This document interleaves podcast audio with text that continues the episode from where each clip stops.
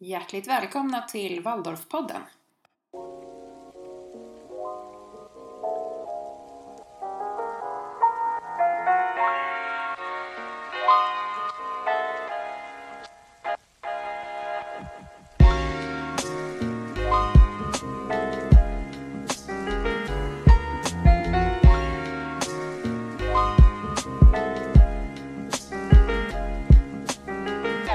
Med mig i det här avsnittet så kommer jag att ha ett par personer som redan har påbörjat arbetet med distansundervisning och som också har påbörjat en hemsida som ständigt fylls på med nya saker som går att göra i både skolundervisning men också i distansundervisning.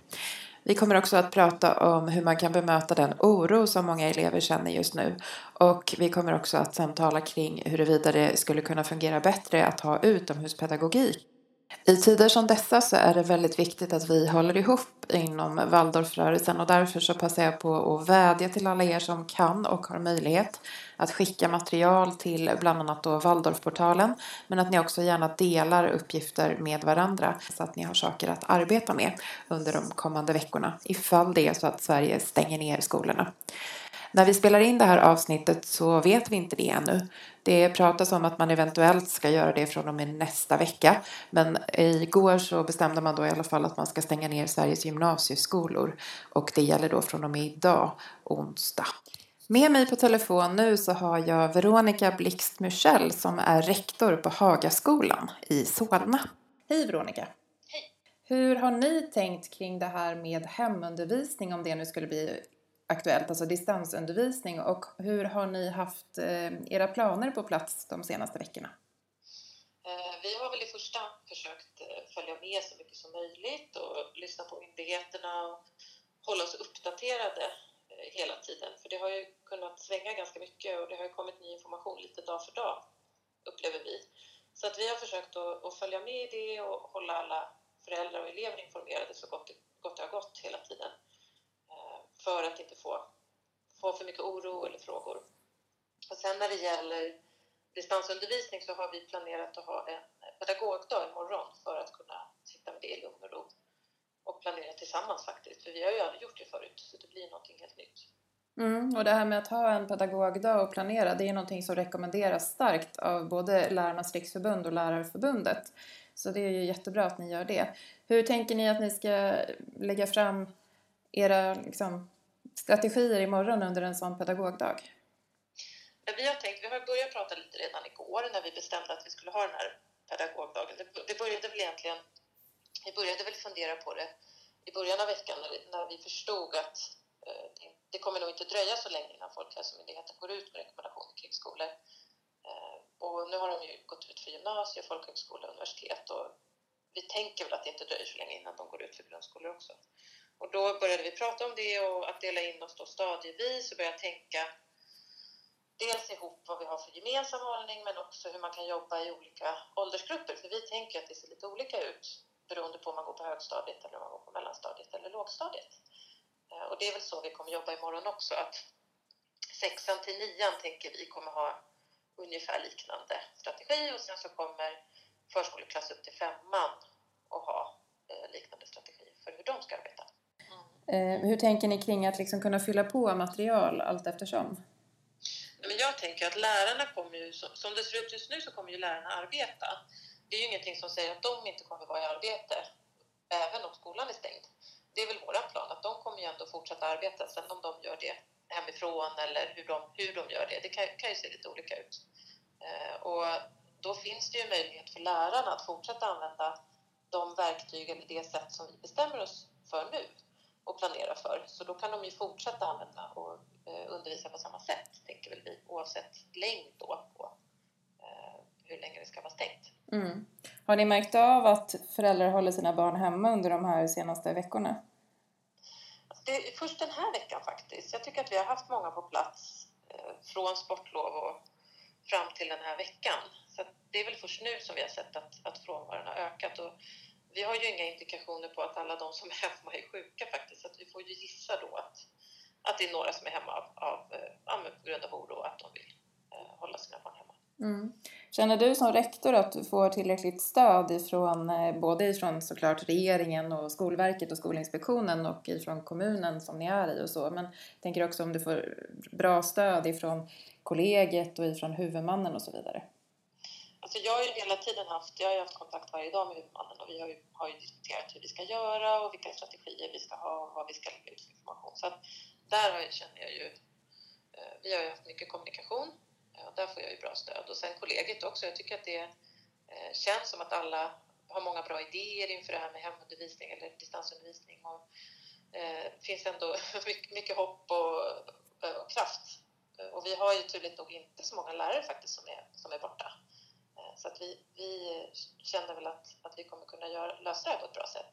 Sen så är det väl klart att även om man följer med och alla rekommendationer som har varit så går det ju alltid att önska lite mer tydlighet såklart från Skolverket bland annat. Men man får ju också förståelse för att de jobbar ju garanterat med det här dygnet runt och gör så gott de kan och, och försöker att eh, jobba så snabbt som möjligt. Och den här förordningen som kom tycker jag, det, det hade de ju jobbat fram snabbt och det ger ju ändå utrymme för olika åtgärder. Det var väl jättebra. Så att jag känner inte, jag, jag, jag tror att man får ha lite eh, respekt för att alla gör så gott de kan i det här läget. Mm. Det är en bra inställning tror jag faktiskt eftersom alla verkligen kämpar på nu och gör så gott de kan både ute på skolorna och ute i, i landet och i regering och Skolverket och allt det andra som är involverat i det här nu. Eh, avslutningsvis så skulle jag vilja höra med dig, finns det någonting som du tycker att vi på Waldorfskolefederationen skulle kunna göra för att underlätta för er på skolorna? Eh, nej, men jag tycker att det är bra. Om ni eh, dels finns lite tillgängliga så att man kan ställa frågor som ni gör. Och sen också att tipsa om olika kanske länkar eller bra förlag då, som ger ut material och sådana tips och råd skulle väl vara bra just nu. Tusen tack för att du var med här via telefon och jag önskar er varmt lycka till med morgondagens pedagogdag och om det nu blir så att skolan stänger, vilket vi inte vet än när vi spelar in det här, så hoppas jag också att vi eh, kan höras när väl allting har öppnat igen för att göra en liten typ av utvärdering i ett kommande avsnitt kanske. Ja, absolut. Tack själv. Ja, tack. Då Britta så har jag med dig på telefon och eh, jag tänkte höra med dig, det är ju så att du har varit väldigt aktiv nu på sistone i Idéburna skolors riksförbund och ni har ju också suttit med tillsammans med eh, myndigheter och arbetat med saker som rör det som händer i svenska samhället just nu och också har rört eventuell distansundervisning kan jag tänka mig. Ja. Nej, men, eh, vi har varit med på ett antal möten som framförallt nu som rört det här nya förordningstexten som möjliggör för skolor att göra undantag, vissa undantag i skollagen. Och nu kommer det nya möten som man annonserar om att vi ska vara med på hur man kan fullfölja distansundervisning och liknande. Det är ett möte annonserat på torsdag där både Skolinspektionen och Skolverket är med. Och eh, de här mötena syftar till att eh, göra möjligt inom lagen att kunna göra olika åtgärder i samhället som att stänga skolor och liknande. Eh, många har reagerat på varför man inte man stänger skolor direkt av, men jag tycker det är bra att både Skolverk och departement ligger steget före och gör det möjligt för skolor då att kunna eh, anpassa sin undervisning, då, distansundervisning eller att frångå timplan och liknande. Så eh, det här har ju Vetenskapsskolors riksförbund då har varit med på ett antal möten tillsammans med Friskolornas riksförbund och SKR. Vi har varit de tre parterna som står för skol, skolor och så har det varit motparter, har varit skol, inte motparter men varit Skolverket, Skolinspektionen och departementet. Så det har varit ett intensivt arbete. Mm. Och vi kanske ska förtydliga också att Waldorfskolefederationen är ju en del av Idéburna skolors riksförbund. Ja, alltså eller Waldorfrörelsen kan man väl säga mm. av det. För att, eh, jag var ju tidigare då medlem i Waldorfskolefederationens styrelse och, eh, och blev ju invald här för ungefär fem år sedan. Och nu så representerar vi då Waldorf, kan vi snarare, Waldorfskolefederationen. Eh, men vi har då en Waldorfrektor med och vi har också eh, vi två stycken från Waldorflärarhögskolan. Men med i Devenskolans riksförbund sitter också eh, representanter från Montessori och Frenérrörelsen. Så man kan säga att vi är väl förankrade i de alternativa pedagogikerna i, i Devenskolans riksförbund. Mm. Då tänkte jag höra med dig Britta, det här är ju någonting som vi fortfarande inte vet om det blir av men precis som du nämnde nu då, så är det ju så att, att det kan bli aktuellt från och med nästa vecka kanske till och med. Och eh, ja, vi får väl se. Det här avsnittet spelas in på onsdagen eh, och ja, det här skulle i så fall då kanske bli aktuellt först på måndag nästa vecka. Och det kanske inte ens en gång kommer beröra alla Sveriges skolor. Så ja, hur tänker du kring det? Ja, nej, men de pratade ju då på det mötet jag var för två veckor sedan så pratade de om att det kan bli aktuellt med regional... Alltså, att den här förordningstexten ger ju möjlighet att stänga ner eh, skollokalerna eh, lokalt, regionalt eller nationellt. Och jag kan tänka mig att det kan bli regionalt. Och eh, mötena nu som på torsdag kommer ju handla om hur man löser barnomsorgsfrågan och liknande så att eh, samhället ska fungera i övrigt. Och man, man valde då att eh, stänga ner universitets och gymnasielokalerna, Det handlar ju mycket om att äldre elever dels kan eh, studera hemifrån men äldre elever transporteras också väldigt mycket både med tåg och med tunnelbana och där vill man ju stoppa smittspridningen. Yngre barn har i regel gångavstånd till eh, sin skola, lokal, så att därför är det inte lika aktuellt kanske att stänga ner skollokalerna. Men vi vet ju ingenting, det är ingen som vet. Det här är ju dagsfärsk information. Mm. Så att eh, man kan egentligen bara vänta och se. Men jag tycker det är bra att eh, regeringen förbereder liksom möjligheter för att kunna att skolan ska kunna bedriva undervisning även fast kanske skollokalerna stänger ner. Och sen så hur man löser då barnomsorgen för, för de barn som behöver då omsorg, det är ju den frågan de jobbar med väldigt intensivt. Och det är många frågor. Det handlar om rätt till, till måltider och det handlar rätt om barnomsorg, så det är väldigt komplicerade frågor det här. Och sen är ju en aspekt som många har diskuterat det här är att för många barn i samhället är ju faktiskt skolan en trygg punkt att gå till. Man får vård och omsorg och att skolan kan också ha bättre kontroll på hur barnet mår kanske än barn som, som kommer från utsatta hem. Så det är en väldigt komplex fråga.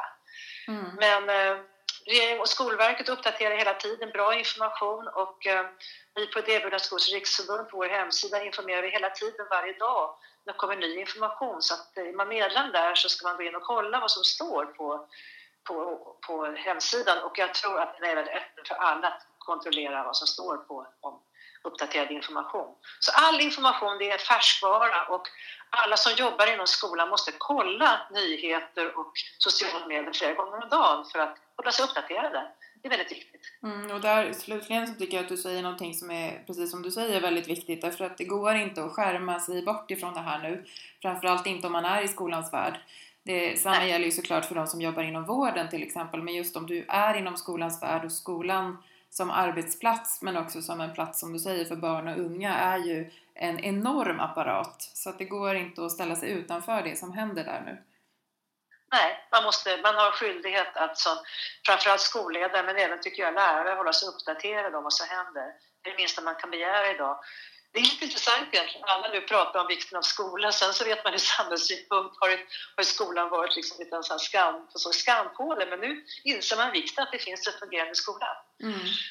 Och jag kan ju säga att jag tycker att eh, myndigheter och regering sköter sig jättebra i den här frågan. Man ska lyssna på experterna och inte på tyckare. Det är också viktigt. Mm. Och det finns ju väldigt bra information på, på många ja, sidor. Ja, jättebra. Att... Och, och jag tycker som skolan nu som står kanske eventuellt nedstängda lokalerna så gäller det att se till att niorna får det de behöver. I andra stadier så har vi öppnat för till och med mellan stadieindelningar. Treorna kan göra en i fyra nästa år. Men niorna måste ju få någon slags slutbetyg och gymnasieintagningarna kan ju komma också skjuta upp sina intagningar för att de ska kunna få sin rättmätiga undervisning här. Och jag tror att de flertalet skolor kommer nu att skjuta på nationella proven. Redan nu så ser man att det är bara halvtomma klassrum. Så att, och min fråga till departementet var ju då för veckor sedan varför inte låta detta år bara låta nationella proven vara ett diagnostiskt prov för skolorna själva? Varför försöka ens bry sig att se till att alla gör de här proven och gör på nationell nivå, för den har tappat sin funktion redan nu när, när elever är sjuka och skolor börjar skjuta på proven framåt. Och så tycker jag att skolan ska tänka över sin matsalssituation, det är jätteviktigt. Många skolor har idag buffé och det vet vi ju att det är den minst lämpliga att ha bufféservering eh, av mat. Så att här skulle skolan kunna göra väldigt mycket insatser för så länge de har öppna lokaler. Att mm, ta bort det har kommit rekommendationer på det faktiskt, så de eh, finns med på eh, som Folkhälsomyndigheten har skickat ut att man till exempel ska dela ut mat och inte låta ja. barnen ta mat själva och så vidare. Jag har ju hört liksom att skolor funderar, liksom ser över frågan. Nej, det ska inte se över, de ska göra det nu. Mm. Det är så enkelt att låta barn och lärare som har tvättat händerna, spritat alltihopa, servera maten till barnen. Det kunde vi redan förra veckan. Har ni liksom pratat någonting på myndigheterna om det finns någon typ av beredskap för sådana här situationer? För det har jag ändå upplevt att egentligen finns det ingen beredskap. Men Nej. nu tänker jag att det kanske är någonting som man måste se till finns på plats framöver. Pratade ni någonting om det? Nej, inte då. Det, det, kommer nog, tror jag, mötena som kommer nu kommer handla om beredskap. Hur man, och redan Skolverket har ju gått ut med massa information om eh, vad man kan göra med, distansundervisning och många läromedelsbolag släpper nu eh, sin, fritt sina internetbaserade läromedel. Så att, eh, men beredskapen i hela samhället är ju dålig. Vi har ju levt på att allting löser sig, så det här är, skolan är bara en del utav vårt beredskapslösa samhälle. Mm. Tyvärr, ja. Och inledningsvis så... i det här avsnittet så vädjade jag ju också till att alla skolor faktiskt måste hålla ihop nu och hjälpa varandra. Eh, inte ja. bara med material utan också med att, att visa förståelse för varandra och också försöka göra så gott vi kan i den situation som är nu. Så jag hoppas ja. att, att alla verkligen gör det. Ja, och förordningstexten möjliggör också entreprenörer i undervisningen. Har ju varit en ganska sträng lag på grundskolenivå man inte får undervisa elever från en annan skolenhet, för, då, för man måste ju vara anställd. De släpper ju på det nu så att skolor kan hjälpa med annat, kanske med, med undervisning på internetbaserad undervisning eller kanske även på platsbaserad undervisning så länge det finns kvar. Så att eh, jag tycker alla ska, skolledare ska läsa den här förordningstexten som är bra tycker jag, som mm. möjliggör nu att kunna göra undantag som möjliggör att eleverna får sin undervisning, framförallt årskurs 9 i grundskolan och årskurs 3 på gymnasiet. De måste man ju se över. De, de ska ju få sin, att de kan få sina slutbetyg. Ja. Även om de, de kanske kommer i juli, vad vet jag? Är, men de måste ju ha slutbetyg. Precis, och det där vet vi ju inte än som sagt. Men vi får helt Nej. enkelt hålla oss uppdaterade och kanske återkomma framöver ja, i andra Waldorfpoddar. Ja. Då Britta tackar jag dig jättemycket för att du var med i, via telefon här nu i det här avsnittet av Waldorfpodden och jag hoppas att du håller dig hemma och att du håller dig frisk. Ja, jag håller mig inte... hemma. Jag jobbar intensivt hemifrån. Jag får inte gå ut överhuvudtaget. Jag tillhör den gruppen som är osolidarisk om jag går ut, så jag jobbar för fullt. Det är inte samma sak som att inte jobba, men man kan sitta hemifrån och göra det. Precis, och det gör ju jag också, så vi är två om den saken. Så det går alldeles utmärkt och det är därför jag också gör det här avsnittet av Waldorfpodden via telefon istället. Ja, perfekt. Ja, stort tack. Tack ska du ha. Då har jag med mig Max Bjuggfeldt ifrån Kristofferskolan. Välkommen till Waldorfpodden Max. Tack så mycket. Jättespännande att vara med. Ja, eh, det är ju verkligen lite märkliga tider som vi lever i just nu, minst sagt kan man väl säga. Och jag tänker att du och Anna Ljungqvist som jobbar med dig på Kristofferskolan, ni har ju varit ganska förutseende egentligen i det här fallet när det kommer till distansundervisning. För ni har ju redan förberett väldigt mycket i och med att ni startade upp Waldorfportalen för ett tag sedan. Ja, precis. Eh, och Waldorfportalen var ju först en tanke om att samla eh, periodplaneringar och planeringar för liksom större sjok av undervisning och då framförallt i skolan. Men eh, nu i och med att många står inför situationer där kanske många elever kommer behöva vara hemma så finns det en del material där som kan lämpa sig för också hemarbete för elever. Det har vi börjat samla ihop på ett, en plats på portalen där så det ska vara lätt för lärare och andra medarbetare på Waldorfskolor att hitta material eller att inspireras av eller använda med sina elever eh, även om de inte är i skolan. Mm.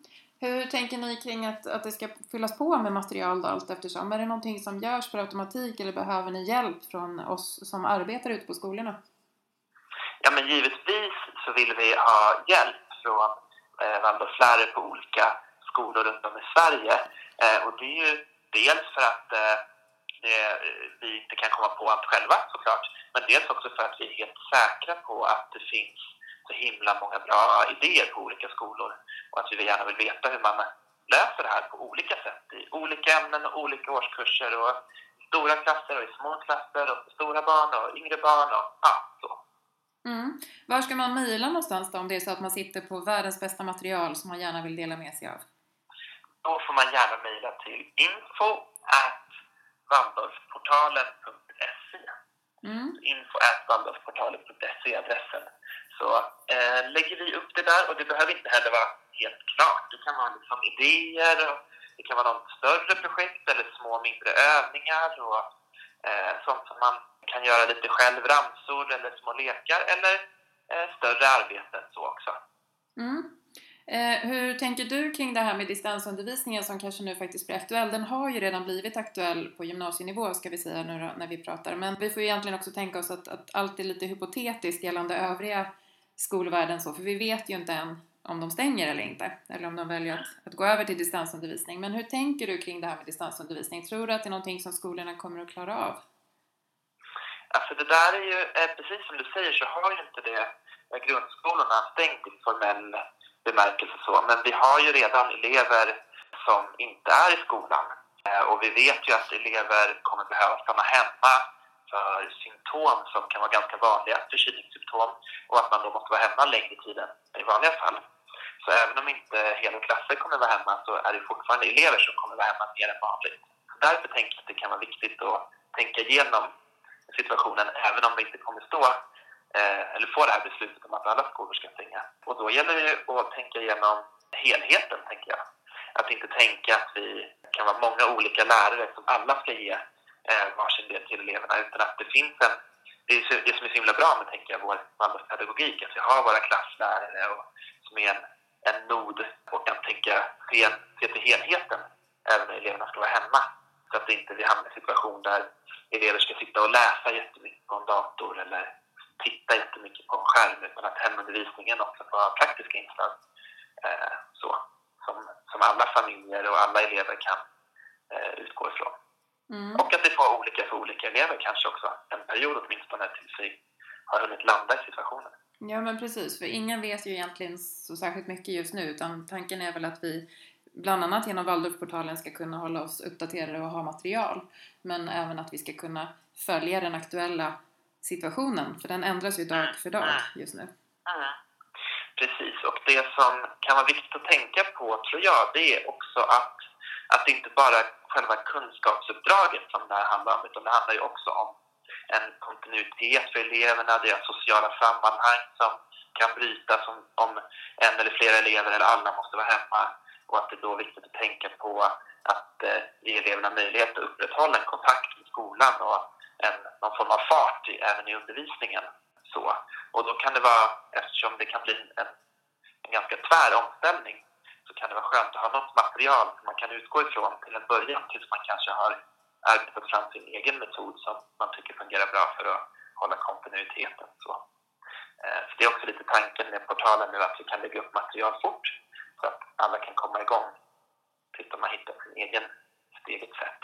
Mm, det låter fantastiskt bra faktiskt. Jag hoppas verkligen att alla nu hjälper till att fylla på med material så att ni får ännu mer som ni kan dela mer av.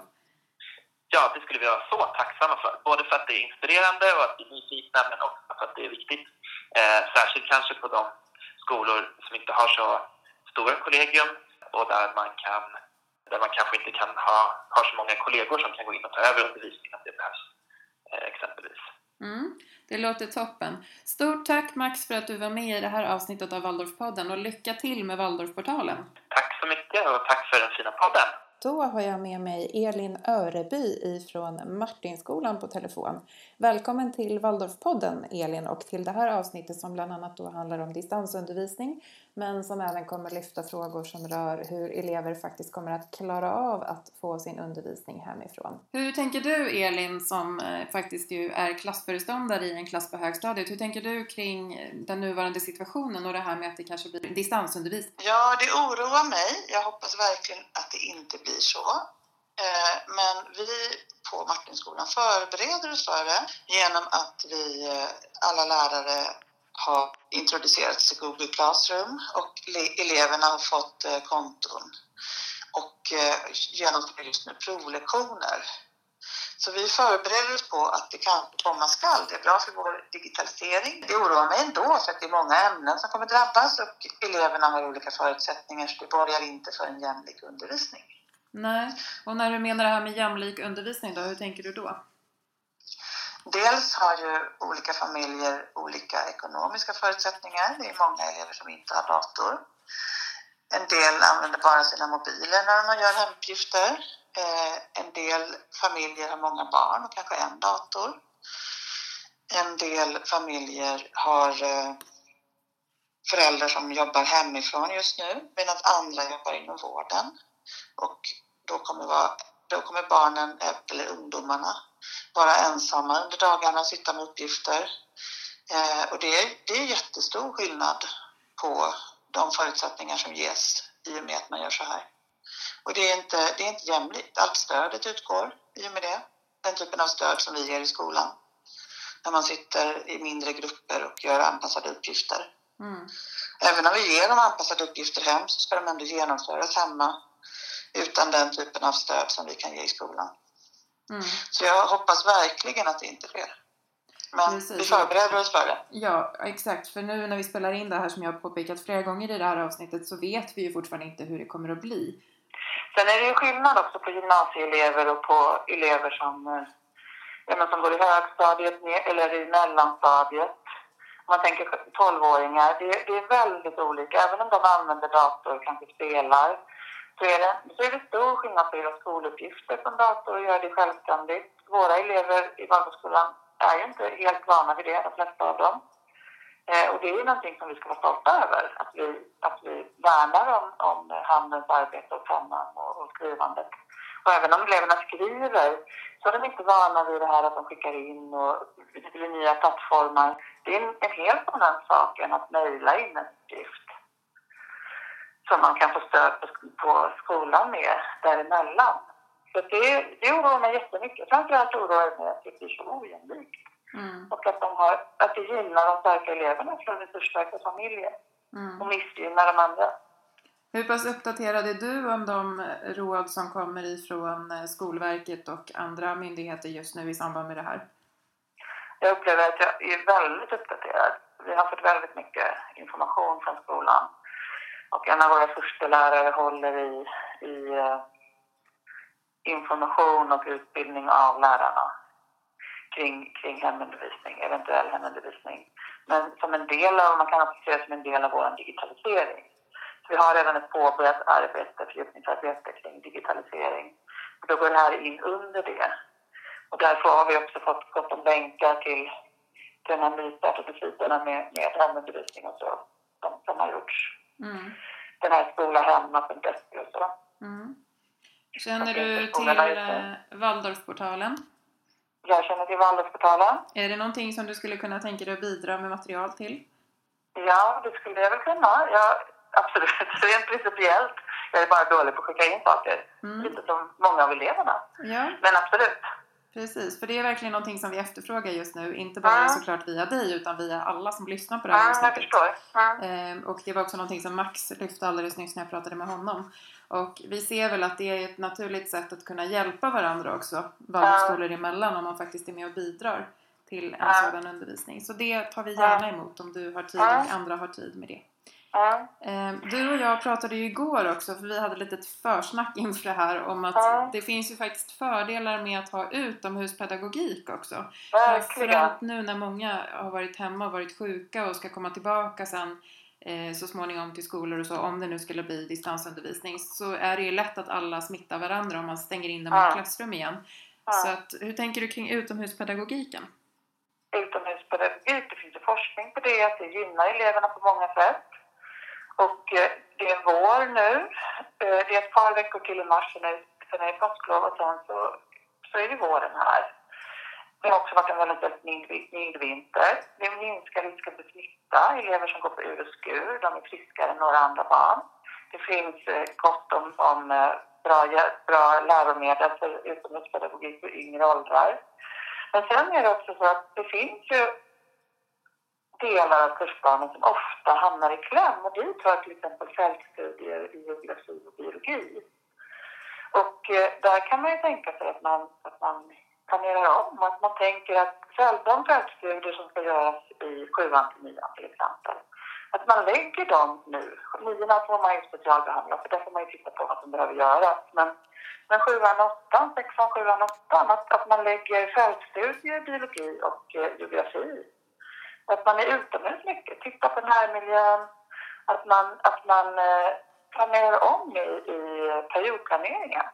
Det låter ju faktiskt som en väldigt bra tanke kan man säga och Ja. jag vet att Uppsala Waldorfskola har ju påbörjat ett projekt sedan ungefär ett och ett halvt år tillbaka med just de här sakerna där all undervisning i praktiken skulle kunna gå och switcha om Ja. till utomhuspedagogik. Och jag tror, Ja. precis som du är inne på, att många av oss som undervisar i, i skolor eller har undervisat i Waldorfskolor skulle ha kunnat gjort mer av den här varan. Och att nu kanske det är ett tillfälle att tänka att jo, men jag får strukturera om lite här i min undervisning så att det faktiskt kan bli så. Och då tänker jag också att man, alltså det, är ju, det här är ju någonting som ofta kommer i kläm för att eleverna de har för att kunna göra fältstudier om man inte gör dem bara i närmiljön så behöver man ju ha lite längre tid. Man behöver en halvdag eller en hel dag. Och, eh, och sen så har de engelska och så har de spanska och så har de matte och så är det lunchen och så bryts dagen sönder. Så får man bara en liten snutt och så hinner man gå ut och så tittar man på någonting. Men, men genom att strukturera om dagen skulle de verkligen kunna få bra, jättebra fältstudier som de sen kan få med sig framåt i livet Mm. eh, och genom sin skolgång. Man skulle också kunna checka av rätt mycket av det just nu när det är så här. Att man, att man, om man har möjlighet att titta igenom periodplanering framöver. Mm. Men också planera för att det här kommer ske i höst förmodligen till skol. till här, Precis. Ja. Till vår. Ja. Och jag tänker att idrott till exempel, där är det ju också mycket som ingår som behöver ske, alltså Ja. orientering och stadsorientering och mycket Mm. annat. Så att Ja, det, det är verkligen värt att, som du säger, ta sig en, en funderare och en titt på kursplanerna och se Mm. vad kan vi göra utomhus. Mm. Och det går ju med väldigt, väldigt mycket Mm. att, att arbeta utomhus. Och om klasser är ute, om vissa klasser är ute, de klasser som är inne har dessutom mera plats, då kan man sitta lite mer utspritt Mm. i mindre grupper och sådär. Så att det, det, det finns ju vinster även för de som är kvar på skolan och inomhus. I och med, om, vissa klasser går ut och jobbar. Mm. Jag tackar dig Ja. så jättemycket för de Ja, här eh, tankarna och idéerna och jag hoppas att fler verkligen tar till sig av just det där med utomhuspedagogiken och ser över kursplanerna nu. Och att vi också tänker på det här med att det kan bli ojämlikt i skolan Mm. med, för eleverna och så, så att de inte hamnar utanför i, Ja. och med distansundervisningen. Fint, tack så mycket! Ha det så bra! Ja, tack. Hej! Mm, hej! Då har jag med mig nästa person som jag pratar med via telefon och du som är med mig nu, du heter Johanna Svan. Kan du berätta lite vem du är och vad du gör? Ja, jag är legitimerad lärare och eh, certifierad coach och har jobbat framförallt med elevcoachning, eller gör det fortfarande. För jag brinner för att elever ska få rätt, och möj- rätt möjligheter i skolan att lyckas helt enkelt och må bra. Mm. Du har ju ganska mycket erfarenhet av att undervisa hemmasittare. Är det någonting som du tänker att du har nytta av nu när situationen är som den är med att gymnasierna till exempel har fått stänga ner och börja ha distansundervisning men att också eventuellt då, då eh, övriga skolor i Sverige, eller i alla fall här i Stockholmsområdet, kanske följer efter nästa vecka? Absolut, absolut, visst är det så. Ja, men möta eleverna där de är eh, är ju jätteviktigt, även i nuläget liksom. Och då tänker du att det liksom är bra att, att de eh, vet hur saker och ting fungerar kring det här med distansundervisning och så, eller tänker du att de gör det redan, vet hur det funkar? Nej, jag tänker att de behöver jättemycket support. Eh, och just vad det gäller den digitala biten, dels så är det så, ja, men det här att lärarna får utgå ifrån vart de befinner sig och använda de medel som de behärskar. Eh, och lägga det på en sån nivå så att eleverna verkligen kan hänga med. Och de elever som vanligtvis har svårt att, att klara undervisningen i klassrummet kommer ju behöva eh, samma stöd nu, fast i annan form. Eh, och för vissa elever kanske tänker jag så här, där kan ju det här distansundervisning och fjärrundervisning vara jättebra, alltså ett, ett sätt för dem att upptäcka hur fiffigt det kan vara att, att få undervisning på ett annat sätt som kanske till och med passar dem bättre på vissa sätt. Så det kan öppna upp eh, nya möjligheter det här också, nya känslor också för elever. Har du några konkreta tips kring hur man skulle kunna få distansundervisningen mer jämlik? Ja, men jag tänker alltså, eh, den, eh, eftersom de digitala liksom, kunskaperna varierar så mycket och även eh, utrustning och förutsättningar. Så, som sagt, man får lägga sig på den nivån man befinner sig och de som behöver mycket stöd behöver få det också initialt, alltså rent tekniskt kring all inloggning och allting som behöver ske. Det är ju ett mönster som ska, alltså man ska ändra ett mönster, ett beteendemönster och det tar tid och det kan vara jobbigt, jättejobbigt för vissa att sätta igång med någonting nytt och som känns främmande och så. Både för pedagoger kanske och för, för elever. Men jag tänker det är mycket support. Det behövs och det tycker jag också att vad jag har kunnat se även utav eh, pedagoger som har jobbat och som har lagt ut sina erfarenheter redan eller som tidigare har jobbat med distansundervisning, fjärrundervisning, att det behövs mycket support i början. Jättemycket kring det digitala, alltså bara för att få till det rent tekniskt. Sen tror jag att eh, just det här sociala eh, stödet eh, som de också, alltså sociala kontexten som de är i skolan, när, den, när de ska flytta hem och vara hemma sen så, så kan det göra att de verkligen behöver ha mer kontakt och behöver hitta sätt hur de ska kommunicera med sina klasskamrater för att få stöd och för att få hjälp och hitta motivationen att, att jobba på. Jag tänker på det också att det är många elever som upplever ganska mycket rädsla kring det här med coronaviruset och de känner sig ganska osäkra just nu också på hur de ska kunna prata med vissa vuxna kanske om det och sådär. Hur, hur tänker du kring det? Jag tänker att det är jätteviktigt att de får prata om sina upplevelser eh, kring eh, vad de tänker om hur det, hur det, hur det ser ut nu och vad det är som händer. Det är jätte, jätteviktigt. Eh, går de kring med stor oro och klump i magen kring det här och är rädda, då kan de inte koncentrera sig och ta till sig någon undervisning heller. Då blir det jättesvårt för dem. Så det behöver man ju också ha med i det här, att eh, i både undervisningen eller i kontakten med skolan, att det behöver också finnas en sån möjlighet till dialog kring de, kring de sakerna. Att man kanske som mentor kan fånga upp eller om det finns andra som kan, kan ha det stödet. Mm. Elevhälsan bör ju ändå kunna fungera som vanligt även på distans tänker jag. Så att man kanske också Ja, har möjlighet att skriva till kuratorn eller till, till någon annan som man vet att man har förtroende för kanske då. Om man har en riktigt bra relation med, med mentor så det, kan ju det vara ett första läge. Men sen kurator och andra, ja, de som, som finns. För jag tror att det här är jätteviktigt. En del känner ju stor oro och har inte så många att prata med kanske, beror väldigt mycket på hur det ser ut i hemmiljön. Och andra, ja det är väldigt olika vad de har för behov. Det här med, eh, med förutsättningar att faktiskt eh, studera hemma ser väldigt olika ut för olika elever. Mm. Eh, är det en lugn och bra hemmiljö som är bra för, för att plugga eller hur ser det ut? Det vet vi inte heller och det kan ju bli jättestor påverkan om det är många som är hemma samtidigt och, och så. Och det Mm. kan skapa stress hos elever att de inte, eller studenter och sådär när de inte kan jobba på som de vill och, och, och så. Var ska Mm. de ta vägen och hur ska man göra? Alltså det blir många olika steg. Så att jag tänker både rädsla kring ja, och frustration och, och sånt. Och vad händer med alla betyg? Och det finns ju mycket som de har att fundera på beroende på vart, vilka årskurser de är i och så. Mm. Och där är det jätteviktigt att vi verkligen tänker på att, att även via nätet då så går det ju att vända sig med frågor till inte bara elevhälsan som jag nämnde då, utan också till rektor och till studie och yrkesvägledaren men också då sin klassföreståndare eller klasslärare om man känner oro för någonting.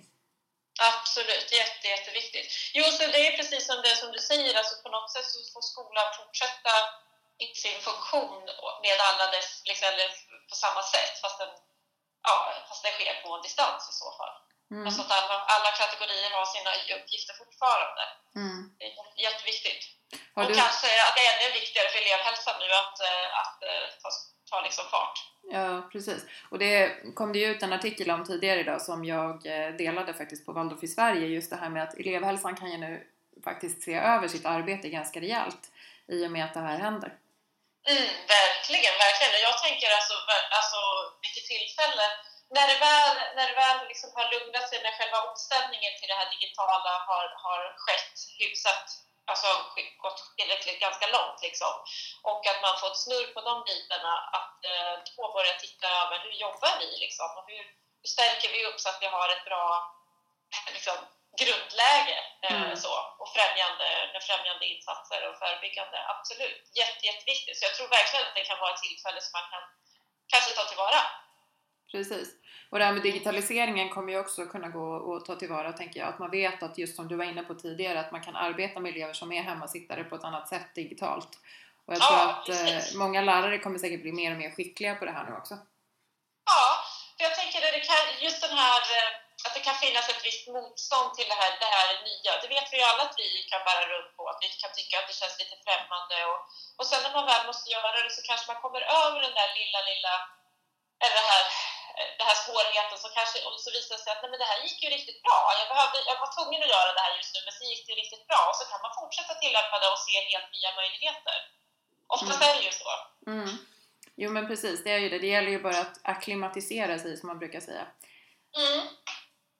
Och att det liksom på något sätt finns, eh, ja, finns stöd runt omkring på något sätt för att fånga upp det där. Eh, och det behöver både pedagoger nu och eh, elever. Absolut. Och föräldrar också i viss mån. Oh ja, ja särskilt de som ska liksom kunna hjälpa till eh, hemma och om det nu skulle bli aktuellt att eh, även grundskolorna ska ha distans eller fjärrundervisning. Stort tack Johanna för att du var med i det här avsnittet av Waldorfpodden och jag planerar ju faktiskt framtida poddavsnitt med dig. Ja, Så, det ska eh, bli jättekul. Ser jag verkligen fram emot. Ja, så vi lär återkomma till varandra och höras igen. Ja, det gör vi. Ja, tack! Ja, Bye.